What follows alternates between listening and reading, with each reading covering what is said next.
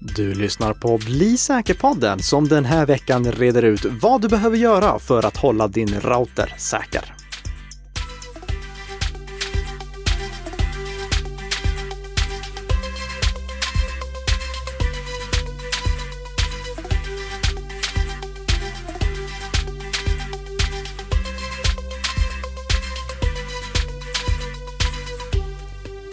Ja, god morgon, god morgon fröken Tess Hamark. Men god morgon Mr Nicka. Har du haft en trevlig vecka på Bredband2 som producerar den här podden tillsammans med Nicka Systems? Snygg, eh, snygg vinkel där du. Ja. eh, jo men det, det har jag absolut. Det är full, full fart framåt nu i höstaktiviteterna. Mm. Och, eh, men hur, hur har du haft det? Alldeles utmärkt får jag säga. Det, ja. Inga skandaler?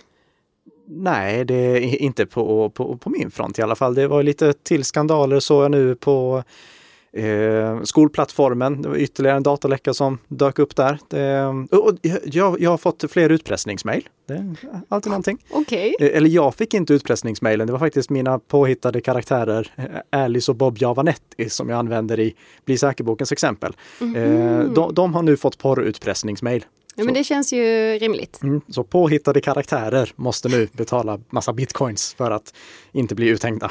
Hatar när det händer. Ja. Ja. Eh, men vi har mycket att gå igenom den här veckan så låt oss hoppa direkt in på veckans snabbisar. Jajamän, och jag vet att du har någonting här om Good App Gone Bad. Good App Gone Bad, ja. en liten anspelning på Rihannas låtar. Eh, det, eh, jag har ju sagt många gånger tidigare att det är viktigt att man inte installerar massa onödiga appar. Att man håller nere antalet appar och att man rensar ut appar som man inte använder. Mm. Och vi fick en påminnelse om varför det är så viktigt att göra. För appen Camscanner som fanns till Android och eh, laddades ner från Google Play över 100 miljoner gånger. Den var från början en helt legitim app som många säkert vill använda för att skanna eh, eh, dokument med mobilkameran och automatiskt göra om det till pdf -er. Det var det som var poängen med den appen. Mm. Den appen finansierades genom att det dels fanns en premiumversion och dels genom reklam i gratisappen. Ja. Men sen så visade det sig att eh, utvecklarna mer eller mindre medvetet ville tjäna lite mer pengar så att de snirklade in en liten trojan där också.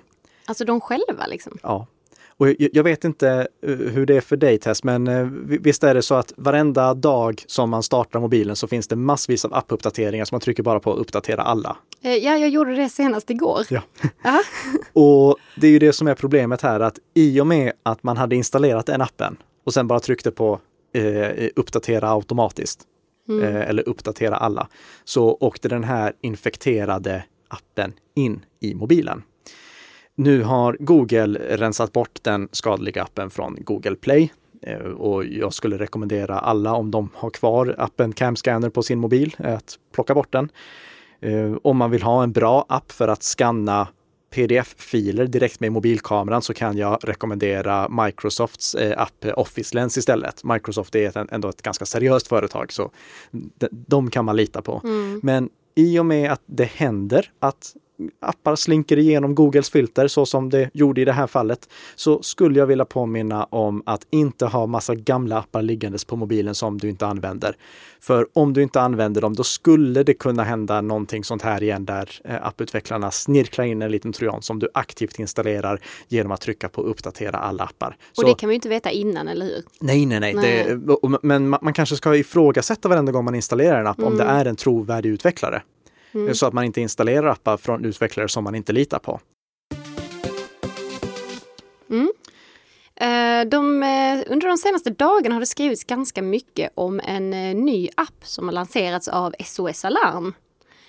Och här har varit ett syfte då att ge snabb, relevant och pålitlig information vid händelser som inträffar i sin närhet. Till exempel om det skulle brinna nere på gatan utanför eller ja, vad som helst egentligen, eller en bilolycka. Och den här informationen ska då dyka upp i appen om, eh, i, re, i realtid. Då. Så, så, om en olycka inträffar så får de som är i närheten reda på det? Eller? Precis, exakt. Eh, för det är nämligen så att man uppger sin platsinformation i den här appen. Eh, så att eh, de kan se var du befinner dig och då ge dig din relevanta information. Men dessutom, så om någonting skulle inträffa och att du ser kanske att det har hänt någonting eller om att man själv är skadad på något sätt, så kan man då ringa 112 eh, via appen som skickar då ens egen position automatiskt till SOS Alarm. Och då gör det ju då givetvis lättare då för hjälpen att komma till rätt plats. Men alltså jag, jag måste ändå säga så här, jag har varit ute och vandrat nu på sistone och det är ganska svårt att alltid veta var någonstans man befinner sig. Kan du också hålla med om det Nika någon gång? Absolut. Ja. Så ja, men eh, vi, vi vet inte riktigt hur... Men det, det, den plockar väl positionen på GPS-position? Ja, precis. Ja. Exakt. Så det är ju jättesmidigt. Mm. Eh, och jag tycker det låter ju väldigt lovande och den har fått över 100 000 nedladdningar via Google Play. Ja. Eh, har du laddat ner appen? Jag har laddat ner den till både min eh, iPhone och till min Android-mobil. Eh, på Android-mobilen så funderar jag däremot på att avinstallera den för att jag har lite problem med att den inte jag, jag, kör eh, Android 10-betan, alltså jag, jag kör inte mm. den skarpa versionen av Android som är släppt utan en betaversion. Och jag kan inte få den till att där bara ta min position när jag har appen öppen, vilket är det jag vill. Jag vill inte att den ska ta min position hela tiden. Nej, det är det som den har fått lite kritik mm. från ibland. Men eh, det, det fyller säkert en funktion att eh, att den hela tiden vet var jag befinner mig och att SOS Alarm hela tiden vet det. Eh, mm. Men, men, jag vill ju framförallt ha den för att om jag råkar ut för en olycka så vill jag lätt kunna skicka mina exakta GPS-koordinater. För att annars så blir det ju kanske det här, ja, ja eh, det, det är ett träd. Här, mm, ja, precis. Ja, det, och jag ser ett till träd. jag ser vatten. Ja. Mm. Så det är, det är en jättebra idé och jag tror absolut att det här är någonting som SOS Alarm kan jobba vidare med också och förbättra ytterligare. Mm. Eh, exakt hur pass batterislukande den är, det vet vi inte riktigt än. Den har bara varit ute i mindre än en vecka. Vi får se hur det utvecklas. Jag tycker absolut testa att installera den och eh, sen så skulle jag också vilja uppmärksamma liksom eh, helst Google, Apple och alla sådana här SOS Alarm-motsvarigheter i hela världen. Ni måste gå ihop och se till att bygga in den här mm. funktionen i mobiloperativsystemet så att, så ja, att eh, de som tar emot SOS-samtal i olika länder automatiskt får GPS-positionen. Det, mm. det, det, känns ju helt naturligt. Det är vansinnigt att Facebook har bättre koll på var vi befinner oss än eh, vad SOS Alarm har. Så i, i väntan på att det kommer liksom någon sån här internationell standard som kan integreras i mobiloperativsystemet så tycker jag att det här är ett klockrent initiativ. Och apropå det, lyssna jättegärna på poddavsnittet som vi gjorde eh, om vad man ska tänka på med sin mobil också eh, ur ett säkerhetsperspektiv. Mm. För vi har ju pratat om det. Eh, och det här är ett bra tillägg till det poddavsnittet. Ja, verkligen. Och ett extra plus är att i appen så innehåller den inte bara det här numret, alltså nödsituationsnumret 112 utan även till polisen, sjukvård olyckor för att det är väldigt många som ringer till fel nummer. Jag har själv eh, bidragit till det för eh, det var en situation, jag behöver inte gå in på exakt vad det var, men eh, på motorväg här utanför Malmö där jag behövde ringa och berätta polisen att det här är helt vansinnigt. Mm. Men det skulle jag inte ringa 112 och berätta utan det skulle jag ju då troligtvis ringt till polisen via något annat nummer som jag inte heller kommer ihåg nu vilket är. Nej, så nu, nu kan du gå in och plugga i appen då. Ja. Uh om inte annat så kan jag se numren där så jag vet vart jag ska ringa. Precis. Mm. Eh, vi går vidare då ja. till eh, att eh, loppisdatorer innehöll patientdata. Mm. Kommer du ihåg för två avsnitt sedan, då pratade vi om att det var jätteviktigt att alltid radera datan som man har på sina datorer innan man säljer dem. Mm. Det var ju du som hade ett en litet, liten utläggning om det. Ett litet solo-avsnitt. Ja. Och, och, det, ja just det, du var inte med där. Nej, Nej men jag har lyssnat på det så ja. jag vet vad du pratar om. Och det fick vi nu ett praktexempel på varför det är så viktigt. För det var en eh, man i Finland som köpte två begagnade datorer på loppis. Mm. Som visade sig innehålla patientdata från 100 personer i finska Kristinestad. Mm. det, det här ska ju inte kunna inträffa.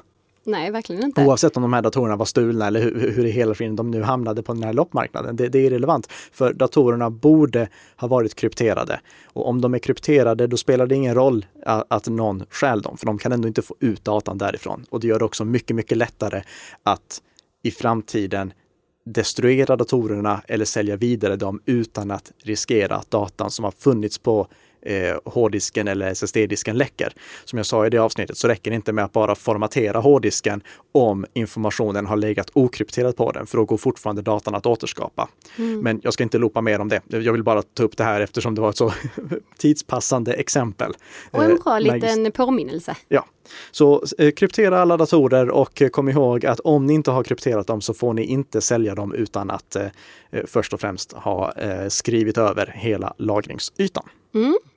Har du någonting mer du vill eh, lägga till som en eh, ja, liten nyhet eller så? Ja, jag skulle jättegärna göra, vilja göra det, men vi, vi har inte tid för vi måste hinna in på veckans huvudämne också. Jag kan bara snabbt nämna att eh, vi lägger med en länk till en artikel som handlar om Apple och Siri, för nu har Apple tagit tag i det problemet som vi tidigare rapporterade att de hade med Siri och eh, integritetsdelen där. Mm, en liten supersnabbis. Ja. ja. Eh, så veckans ämne då, va? Ska vi säga sju Nej, det är inte bara sju tips. Jo, det är det. Det är det bara sju tips? Det, det, det är sju tips. Sju tips ja, för hur du tips. gör din router mm. säker. Ja. Uh, för vi, vi har pratat flera gånger tidigare om eh, det här med routersäkerhet och att det är viktigt att man håller sin router uppdaterad och att man eh, utför vissa konfigurationsändringar eventuellt för att det ska vara en säker router. Routern är ju den absolut mest utsatta produkten som vi har i och med att den är konstant ansluten till internet och därmed i angriparnas möjliga eh, eh, skottglugg kan vi säga. Eh, den, det är den som skyddar allting annat på insidan. Vi har pratat om vilken roll routern fyller som en brandvägg som skyddar alla datorer och uppkopplade enheter som vi har bakom routern. Men routern i sig, den har ingenting som skyddar den. Så den måste vara konfigurerad på ett säkert sätt och definitivt köra en säker mjukvara för mm. att den ska kunna fylla sin funktion och hålla resten av vårt nätverk säkert. Så låt oss ta tillfället i akt nu att eh, faktiskt gå igenom sju tips som hjälper dig som lyssnare att konfigurera din router på ett säkert sätt. Det här är väldigt allmänna tips, så det är inte säkert att alla funktioner som vi nämner finns i alla routrar de flesta finns i alla routrar, men det, det, det förekommer viss variation. Ehm, så om du inte hittar en specifik funktion i din router så kan du googla eller binga efter om det finns någon annan som eh, vet hur man hittar den eller så är det så enkelt att funktionen helt enkelt inte finns där. Mm. Jag ska, ska också vi... nämna att, förlåt. Nej, nej, vad sa du? Ja, nej, jag vill också bara nämna att det här gäller uteslutande för konsumentroutrar, det som vi går igenom nu. Vi gör eventuellt en, en likadan genomgång av vad som gäller för Enterprise-routrar och Enterprise-brandväggar. Men det som vi fokuserar på nu i det här avsnittet och de tipsen, regler eh, som vi delar med oss av nu, det gäller konsumentroutrar. Mm, mycket bra. Um, men ska vi, ah, vi kickar igång den här lilla listan nu då? Mm. Ja. så första tipset är att aktivera automatisk uppdatering. Ja. Det största problemet det är att routrar inte får säkerhetsuppdateringar. eh, och det är ett tudelat problem. Dels är många routertillverkare dåliga på att släppa säkerhetsuppdateringar och dels är det besvärligt för den som administrerar routern att installera dem. Mm. Eh, framförallt för att jag vet inte hur ofta du loggar in i din router. Loggar du in i den och liksom kollar hur det står till Nej. en gång i månaden? Nej. Nej. Eh, och för att man ska slippa göra det, för att man ska slippa logga in i sin router titt som tätt och leta efter säkerhetsuppdateringar och funktionsuppdateringar, så rekommenderar jag att om routern har stöd för automatiska uppdateringar, aktivera det då så att uppdateringarna installeras utan att du behöver tänka på det. Om den inte har stöd för automatiska uppdateringar, då bör du på månadsbasis, till exempel i samband med Tess favoritdag, patch-tisdagen. Eh, har det blivit min favoritdag ja, nu? Ja, men du, du, sa att det var min favoritdag, eh, även om jag avskyr den. Men hur som helst, det, det, alltså, det, det, är inte så att routertillverkarna släpper uppdateringar på patch-tisdagen, men det är liksom en bra dag att ha som Eh, den stående dagen då man loggar in i sina produkter och kollar så att de är uppdaterade. Och om din router inte stöder automatiska uppdateringar, då skulle jag rekommendera dig att en gång i månaden logga in i den och kolla om det finns uppdateringar. Sen så kan det också vara så, eh, om vi tar eh, eh bredbandsoperatörer som exempel. Jag tror till exempel att ni på Bredband2 eh, skjuter ut uppdateringar automatiskt åt era kunder. Ja, precis. Så att de inte behöver tänka på det. Men, men, om man har en router som man själv ansvarar för, om man har bytt ut routern som man fick från er eller om man har en operatör som inte uppdaterar routrarna automatiskt eller om man bara liksom har valt en egen router av någon annan anledning. Då måste man tänka på att eh, se till att hålla den up to date mm. med säkerhetsuppdateringar. Och om routern inte har fått säkerhetsuppdateringar på över ett år, då skulle jag faktiskt ifrågasätta om eh, den här routern överhuvudtaget är underhållen längre eller ifall tillverkaren har lagt ner stödet för den. Mm, precis. Så då, då, kan man prata med supporten och, och höra, äh, får den här routern fortfarande alla säkerhetsuppdateringar som den behöver? Ifall routertillverkaren har slutat underhålla routermodellen, då måste man tyvärr byta ut den. Mm. Är man då missnöjd med hur länge den routern fick säkerhetsuppdateringar, om man tycker att det var lite väl kort tid, då kan man bara göra en sak och det är att bevisa för routertillverkarna hur viktigt det är med säkerhetsuppdateringar genom att välja ett annat märke än den man hade tidigare. Mm. Yes. Mm. Byt alla standardlösenord. Ja. Många routrar levereras med standardlösenord för både administrationsgränssnittet och för eh, de trådlösa nätverken. Eh, administrationsgränssnittslösenordet det kan till exempel vara admin eller password. Eh, fan, urusla lösenord. Om det är ett sådant lösenord, byt ut automatiskt. Eh, byt ut automatiskt, byt ut det. Mm. Om det är ett lösenord som på något sätt har någonting med MAC-adressen på routern att göra, den här konstiga sifferkombinationen som står på undersidan, byt ut det också. Alltså, eh, om du inte ser att det är ett väldigt slumpmässigt valt lösenord, byt ut det lösenordet. Och är du osäker, byt ut det i alla fall. Mm. Och samma sak gäller lösenordet till det trådlösa nätverket. Undvik alla standardlösenord. Om din router kommer förkonfigurerad med ett standardlösenord som ser ut som någonting som kan användas på många andra routrar också, byt ut det direkt. Yes. Och eh, hur du skapar ett lösenord kan man ju lyssna på i tidigare avsnitt, ett ja. av de första av denna podden. Det, precis, det är de tre första avsnitten, då pratade mm. vi om goda säkerhetsrutiner kring lösenord. Ja. Alright, vi går vidare. Använd VPA2. Ja. När man ska skydda sitt trådlösa nätverk, då kan man välja mellan fyra, snart fem olika säkerhetsnivåer. Man kan ha inget skydd alls. Det är dumt. Man mm. kan ha WEP som var den första äldsta standarden. Eh, WEP står för Wired Equivalent Privacy och det är en lögn. det, det, WEP-skyddet är knäckt. Eh, I den här listan som du hittar i din router, då, då kan du välja oskyddat WEP, Eh, WPA och WPA2. Välj WPA2. I princip alla produkter som har sålts från 2007 och senare har stöd för WPA2 som är den säkraste standarden som vi har för trådlös nätverkskommunikation i konsumentroutrar än så länge. Den, den kallas ibland WPA2 PSK, Pre-Shared Key. Det är inte det som vi använder i företagssammanhang, men nu pratar vi som sagt uteslutande i eh, konsumentsammanhang. Och då är det WPA2 PSK som är den vanligaste standarden som vi har. Använd den, ingen annan. Mm. Eh, skapa ett eh, gästnätverk. Mm. Och det är någonting som man kan använda för två saker. Mm. Gästnätverk finns inte i alla routrar, men det finns i många. Och om din router stöder gästnätverk, se då till att aldrig någonsin ge ut ditt eh, lösenord till det huvudsakliga nätverket till gäster som kommer på besök. Utan ha istället ett gästnätverk som har ett eget lösenord som du ger till dina gäster. Mm. Till exempel om ditt vanliga, eh, ditt vanliga nätverk heter Javanetti. Skapa då ett som heter Javanetti Guest. Och mm. då kan alla gäster som kommer ansluta till det istället. Har du det? Jag, jag har ett gästnätverk, ja. absolut. Eh, och det, det, hade jag också innan jag började driva eh, företag hemifrån. Mm. Eh, men jag, jag, har gått lite overkill på det hela, så jag har också så här så jag kan dela ut vouchers till folk som kommer så att folk får bara begränsat rättighet i viss tid. Det, det är inte någonting som finns stöd för i vanliga konsumentroutrar.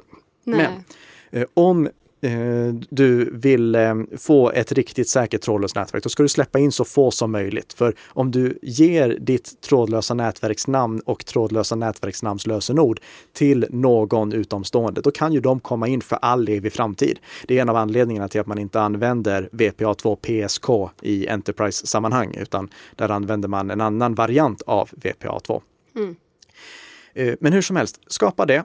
Ge gästerna ett eh, åtkomst till gästnätverket. Det är inte bara då att de inte kan eh, komma åt, eh, eller huvudpoängen kan vi säga med det, det är att de då inte kan komma åt andra saker du har i ditt nätverk. Så om du har en NAS eller en mediaserver eller övervakningskameror i ditt vanliga nätverk, då kan inte gästerna komma åt det. De kan bara komma åt internet. Mm. Så det är ett väldigt smart sätt att begränsa vad det är de kan komma åt eh, utan att du egentligen behöver göra mer än att ha två stycken olika nätverksnamn. Ett huvudsakligt nätverksnamn och ett gästnätverksnamn. Mm.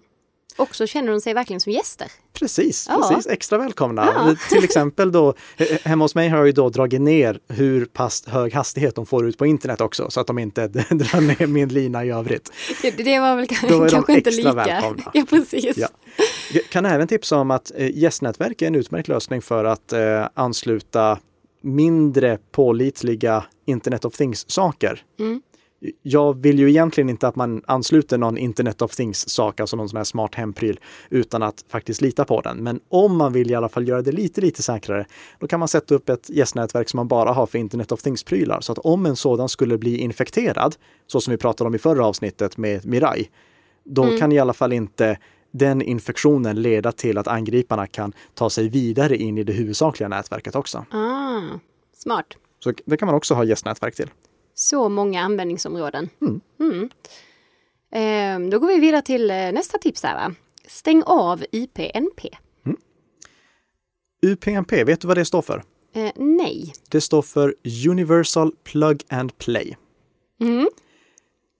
Det, eller i alla fall det är det det gör officiellt. Inofficiellt står det för Universal Plug and Pray och det är lite mer det det handlar om.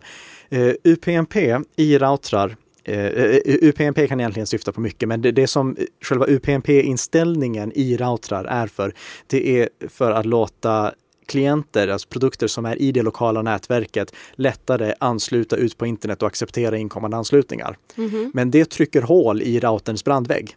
Och av den anledningen så rekommenderar jag att man stänger av den funktionen. Den är påslagen i många routrar för att det finns produkter som inte fungerar om inte UPnP är påslaget. Jag vet att Som vadå? eh, eh, Xbox One till exempel hade problem med det. Aha. Jag vet inte om den har det fortfarande. Jag köpte en Xbox One. Det var mitt sämsta köp någonsin för jag använder den aldrig. Jag glömde bort den här detaljen att jag inte spelar spel. Den, den lilla, Ja, den lilla detaljen. jag, jag, jag köpte den för att jag ville testa hur Excel skulle fungera på Xbox. Eh, sen släppte Microsoft aldrig Excel till Xbox eh, och jag hade ingen nytta av den. Eh, hur som helst, stäng av UPnP. Det är någonting som jag skulle rekommendera alla att göra. Om någonting då slutar funka, sätt på det igen. Men testa stäng av det. Bra. Eh, man ska ju även stänga av en annan sak. Ja. Eh, och det är ju WPS. WPS är det sämsta vi har fått sedan WEP. Oj, oj, oj. nu måste du utveckla detta. Ja, nej, WPS det är funktionen som finns i många routrar för att man ska kunna ansluta saker med ett knapptryck. Eh, till exempel trycka på en knapp på en nätverkskamera och sen trycka på en knapp på routern för att låta dem koppla ihop sig på ett till synes säkert sätt. Men den lösningen har så många brister att man inte bör använda den. Eh, det finns routrar som, eh, nej, stäng av den bara. Det, vi behöver inte gå in på undantagen. Det, stäng av WPS. Eh, du behöver aldrig det. Det går alltid att ansluta produkter utan att använda WPS. Du behöver inte den här knappen. Så jag skulle rekommendera alla för att ha sin router så säker som möjligt, logga in i den och stänga av funktionen som heter WPS eller Wi-Fi Protected Setup. Mm. Då har vi sjunde och sista tipset här. Och det är öppna inga onödiga portar.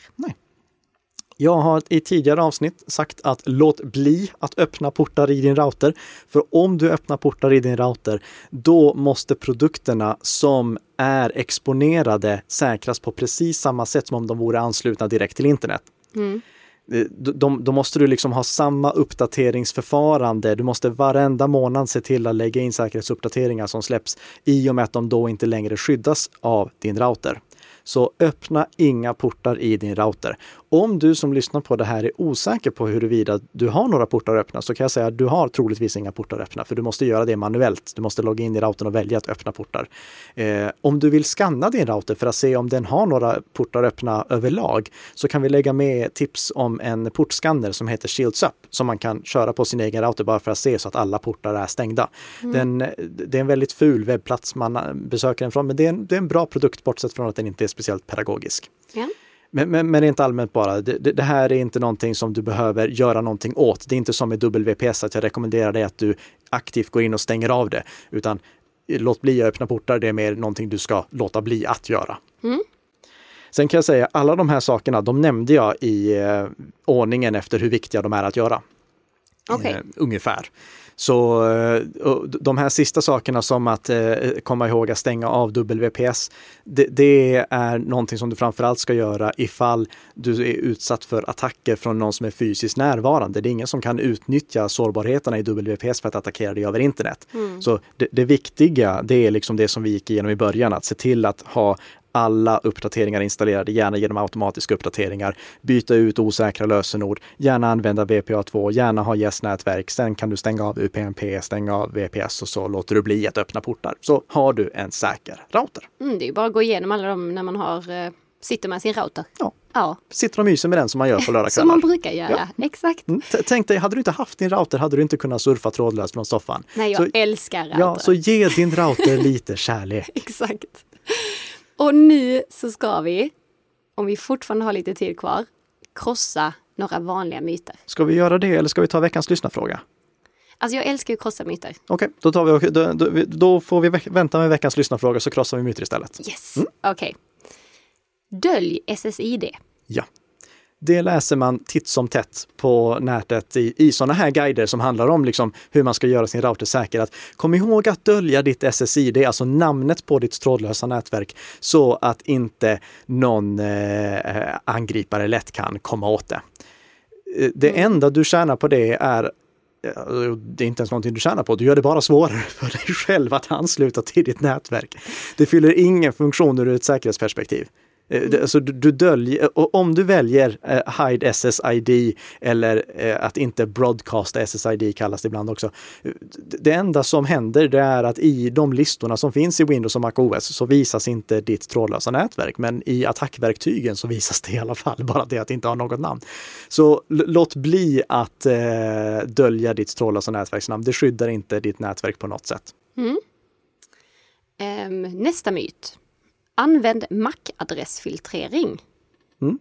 Och det är också onödigt. Eh, MAC-adressfiltrering det är en princip som bygger på att du i din router anger exakt vilka MAC-adresser, alla nätverkskort har en unik MAC-adress. Och du anger då i din router alla MAC-adresser som ska få ansluta till det trådlösa nätverket. Mm. Problemet är att jag kan spoofa din MAC-adress, jag kan låtsas att jag har din MAC-adress och då kommer jag in i alla fall. Så det ger inte heller något skydd. Det gör det bara svårt att ansluta nya prylar för då måste du logga in i din router och ge dem tillstånd att komma in. Så Nej, nej, det gör inte det heller. Gör, gör de här sju sakerna som vi nämnde. Strunta i att eh, hålla på att dölja SSID och använda MAC-adressfiltrering. Båda de sakerna är funktioner som finns i nästan alla routrar, men det är inte för det, det är inte av säkerhetsanledningar de finns. Till exempel, jag dolde ett SSID för tre år sedan. Okej, okay, varför det? För att jag inte ville att någon skulle ansluta dit. Inte av säkerhetsskäl, men av liksom praktiska skäl. Det, det, var ett SSID, som, alltså ett trådlöst nätverksnamn, som jag använde för en radiolänk där jag kopplade ihop två byggnader. Och det var bara liksom den sändaren och den mottagaren som skulle använda det trådlösa nätverket. Mm. Så för att inte förvirra någon och tro att ja, men ska jag ansluta dit istället, så valde jag att dölja det. Mm. Så det, det, var av, av den anledningen som jag stängde av visningen av SSID, inte av säkerhetsskäl. MAC-adressfiltrering kan du också använda ifall du själv vill av någon anledning begränsa vilka enheter som ansluter till vilket trådlöst nätverk. Men det är inte av säkerhetsskäl utan det är mer av administrativa skäl i så fall. Eh, ja. För, för ur ett säkerhetsperspektiv så fyller det ingen funktion. Nej. Okej. Okay. Ehm, men de sju första tipsen, de tycker jag att alla eh, borde gå igenom. Mm. Och eh, har ni några följdfrågor om det så är det som vanligt bara att eh, ställa dem via sociala medier eller höra av er på valfritt sätt till Nika Systems eller Bredband2 så kommer vi troligtvis att ta upp det i en kommande podd om vi har tid att komma till veckans lyssnarfråga. Och ni som skickar in en fråga som blir upptagen som veckans lyssnarfråga, ni får ju också bli säkerboken så det finns goda anledningar för er att bidra med lyssnarfrågor. Ja. Jag tror faktiskt så... inte det var någon som blev ledsen nu heller för att vi inte lyfte veckans lyssnarfråga. Jag har faktiskt svarat honom redan, så han, han, har, han, har, fått svar på sin fråga. Ja. Det är bara det att vi tar inte upp det här i podden utan vi får spara det till nästa vecka. Ja.